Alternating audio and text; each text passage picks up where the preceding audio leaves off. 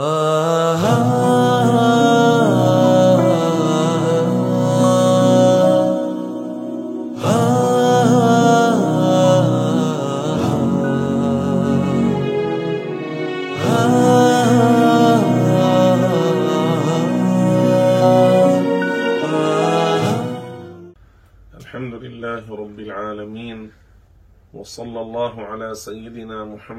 محمد طه النبي الأمي الأمين العالي القدر العظيم الجاه وعلى آله وصحبه ومن والاه. وأشهد أن لا إله إلا الله وحده لا شريك له. وأشهد أن محمدا عبده ورسوله وصفيه وحبيبه وخليله صلى الله عليه وعلى كل رسول أرسله. أما بعد إخواني وأخواتي حفظكم الله ورعاكم. كنا قد تكلمنا عن الأولياء وعن صفات وشروط الولي وعن كرامات الأولياء وذكرنا شيئا مما ذكره القرآن من كراماتهم. ولا زلنا في الحديث عن كرامات الأولياء. من هؤلاء الأولياء العظماء الصلحاء الأخيار الأطهار الذين هم من أحباب الله تعالى ما أخبر الله تعالى عن وليه وعن حبيبه عزير الذي قال الله عنه في القرآن الكريم فأماته الله مائه عام ثم بعثه عزير القول الصحيح فيه والقول المعتمد أنه من أولياء الله. وعزير كان في بني إسرائيل وهو من الصلحاء الأولياء الذين كانوا على شريعة التوراة الأصلية. وكان يعمل بشريعة موسى عليه الصلاة والسلام. وكان يحفظ التوراة عن ظهر قلب. وفي بني إسرائيل في أمة موسى عليه الصلاة والسلام. يعني أتباع موسى ما كان فيهم من يحفظ التوراة عن ظهر قلب إلا عزير رضي الله عنه. موسى لا شك هو يحفظها. موسى عليه نزلت التوراة. موسى كان يحفظ التوراة عن ظهر قلب. موسى عليه الصلاة والسلام نبي الرسول. نحن نتكلم عن أمة موسى. يعني الذين كانوا اتبعوه على الإسلام. كانوا إذا أرادوا أن يقرأوا من التوراة أحضروها نشروها وقرأوا منها مباشرة. أما عزير هو الوحيد من أتباع موسى صلى الله عليه وسلم الذي حفظ التوراة عن ظهر قلب. وحصلت حوادث وفتن عظيمة وكبيرة وكان بلاء عظيم على المسلمين.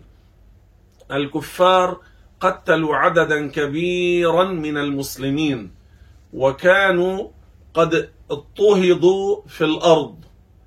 وحصلت حادثة هي أن عزيرا رضي الله عنه بعدما مات وأماته الله تعالى بمئة عام بعدما مات بمئة عام يعني كان مر على وفاته مئة عام مئة سنة الله تعالى أحياه وأعاد قراءة التوراة من حفظه على الناس فكتبوها.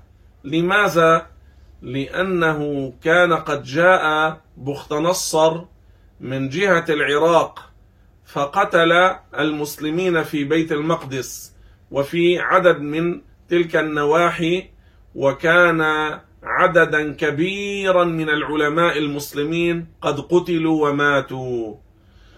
والتوراة الأصلية ما عادت موجودة بين أيدي الناس. يعني نسخ التوراة الأصلية فقدت بين أيدي الناس وكان الكفار قد حرفوا والعياذ بالله تعالى. أولا حرفوا المعاني ثم حرفوا الألفاظ المباني. الله ماذا قال في القرآن؟ فويل للذين يكتبون الكتاب بأيديهم ثم يقولون هذا من عند الله ليشتروا به ثمنا قليلا. فويل لهم مما كتبت أيديهم وويل لهم مما يكسبون. افتروا على الله حرفوا التوراة الأصلية وفقد العلماء وفقدت النسخ الأصلية من بين الناس. وكان قد مر على وفاة عزير مئة عام. الله الذي لا يعجزه شيء الذي هو قادر على كل شيء أحيا لهم هذا الرجل الصالح أحيا عزيرا رضي الله عنه فأعاد قراءة التوراة على الناس من حفظه. فكتبوها. وكان يحفظ التوراة الأصلية هو ولي صالح. وكان يحفظ التوراة الأصلية. وهذا من كراماته. الله تعالى أعطاه هذه الكرامة وأحياه بعد موته وأعاد قراءة التوراة الأصلية. فكتبها الناس وعرفوا الحق الذي جاء به موسى عليه السلام. وهذه الآية في سورة البقرة. فأماته الله مئة عام ثم بعثه. ومن كرامات الأولياء ما حصل لأبي بكر الصديق رضي الله عنه وأرضاه. كان قبل وفاته له أرض وهبها لابنته السيدة عائشة رضي الله عنها. وكان قد تزوج من امرأة غير أم عائشة. ثم قبل وفاته بمدة ألهمه الله تعالى أن زوجته هذه حامل. ثم جاء إلى ابنته عائشة فقال لها إن الأرض التي وهبتك آه، لو أرجعتها لتكون لأختك التي ما زالت حملا في بطن أمها. عائشة تعجبت رضي الله عنها. كيف عرف أنه يأتيه مولودة تكون أنثى وهذا من باب الكشف وهو يغلب على ظنه. هذا الله يلقيه في قلبه. هذا الإلهام هذا النور هذا الكشف. فعائشة ردت الأرض والأب والأم لهما أن يرجعا في الهبة. إذا أعطيا ولدهما شيئا لهما أن يرجعا في هذه الهبة. الأم والأب والجد والجدة إذا وهبوا ولدهم أو حفيدهم شيئا لهم أن يرجعوا في هذه الهبة. وأبو بكر الصديق رضي الله عنه وأرضاه رأى أن هذه الطفلة التي ستولد ويكون هو ميت هي أحوج أن يكون لها شيء لتنتفع به من المال من الأرض من النفقة. والسيدة عائشة رضي الله عنها حالها أحسن من حال هذه الطفلة. فعائشة ردت تلك الأرض مع طيب نفس وهو أصلا له أن يرجع. هنا موضع الشاهد أنه رضي الله عنه وأرضاه الله ألهمه. وهذا من باب غلبة الظن. قال أنثى قال أختك. عين أنه يأتيه مولود بعد وفاته ويكون هذا المولود أنثى. وكان كما قال أبو بكر وكما ألهمه الله وكما كشف له وأطلعه على هذا الأمر العظيم. وهذا إكرام من الله تعالى لوليه الكبير لأبي بكر الصديق رضي الله عنه وأرضاه الذي هو رأس أولياء البشر الذي هو رأس أولياء البشر. وأبو بكر الصديق رضي الله عنه له كرامات كثيرة وعديدة وله بركات وفضائل لا يحصيها إلا الله. لكن نحن الآن نعطي أمثلة. ومن كرامات عمر رضي الله عنه وأرضاه أن نهر النيل في خلافته في خلافة عمر جف النهر ونشف الماء ثم كان لهم عادة قبيحة في الجاهلية. كانوا يأتون ببنت بكر يزينونها ويجملونها ثم يلقونها في النهر يأكلها النهر يبلعها يأخذها ثم بعد ذلك يعود الماء كما كان. يعني الماء يرجع كثيرا كما كان قبل أن ينشف النهر. وكان عمر بن الخطاب رضي الله عنه وأرضاه أرسل عمرو بن العاص إلى مصر آه، واليا أو قائدا على بعض جيوش المسلمين وهذا في زمن خلافة عمر رضي الله عنه.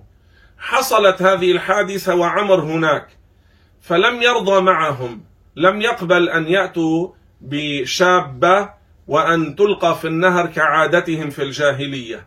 لم يرضى قال حتى نرجع إلى أمير المؤمنين. فكتب عمر إلى عمر رضي الله عنه أخبره بالحادثة.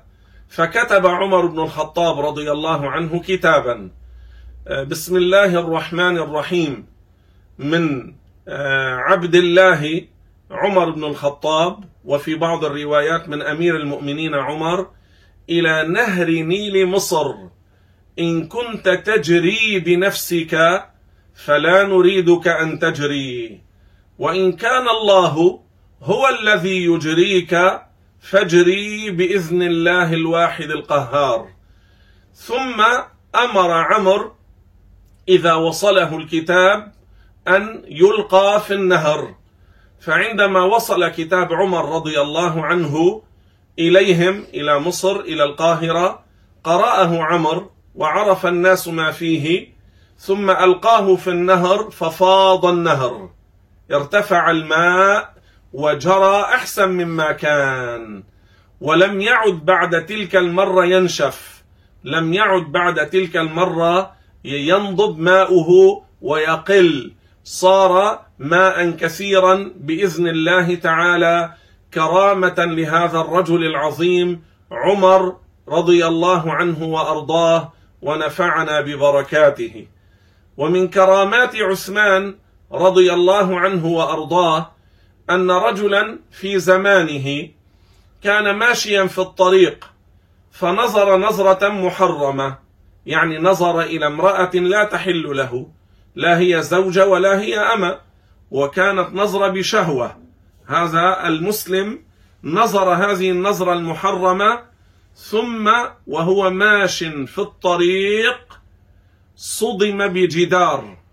فرأسه آه، ضرب بهذا الجدار فتألم وجاء إلى مجلس عثمان رضي الله عنه وأرضاه.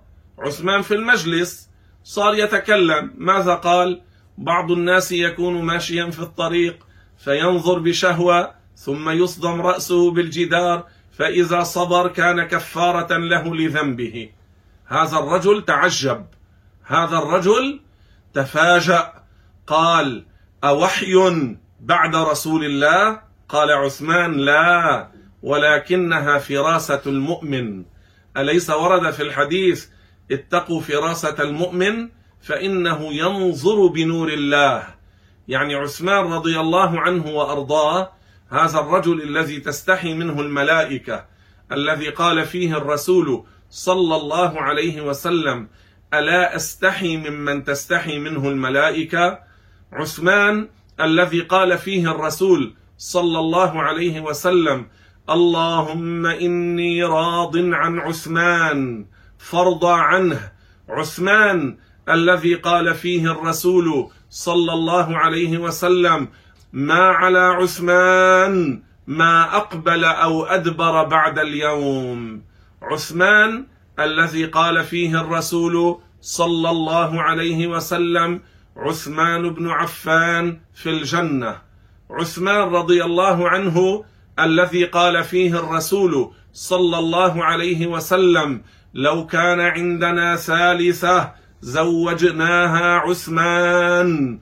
عثمان الذي قال فيه الرسول صلى الله عليه وسلم ألا أستحي ممن تستحي منه الملائكة من شدة حيائه رضي الله عنه وأرضاه الملائكة يتواضعون له الملائكة يحبونه وله ذكر حسن في السماء وبين الملائكة وهو محبوب عند الملائكة. عثمان بن عفان رضي الله عنه وأرضاه الذي له من الفضائل ما لا يحصيه إلا الله سبحانه وتعالى.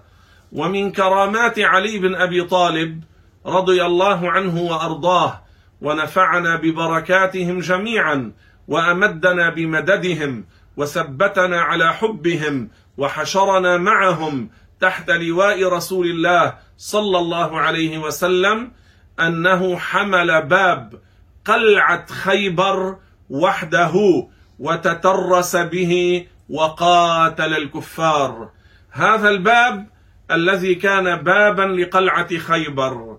وتعرفون عندما يقال باب القلعة كم يكون حجمه كم يكون وزنه. جاء نحو ثمانية من الصحابة بعدما ألقاه علي. كان جاء نحو ثمانية من الصحابة بعدما ألقاه علي من يده. أرادوا أن يرفعوه. ما استطاعوا أن يحركوه من مكانه. ما استطاعوا أن يحركوه من مكانه. تخيلوا أنتم هذا الباب الكبير الضخم الثقيل كان أخذه بيده اليسرى يتترس به ويقاتل باليمنى. هذا من كرامات أمير المؤمنين علي بن أبي طالب رضي الله عنه وعنهم جميعا ونفعنا بهم والحمد لله رب العالمين. آه, آه،, آه.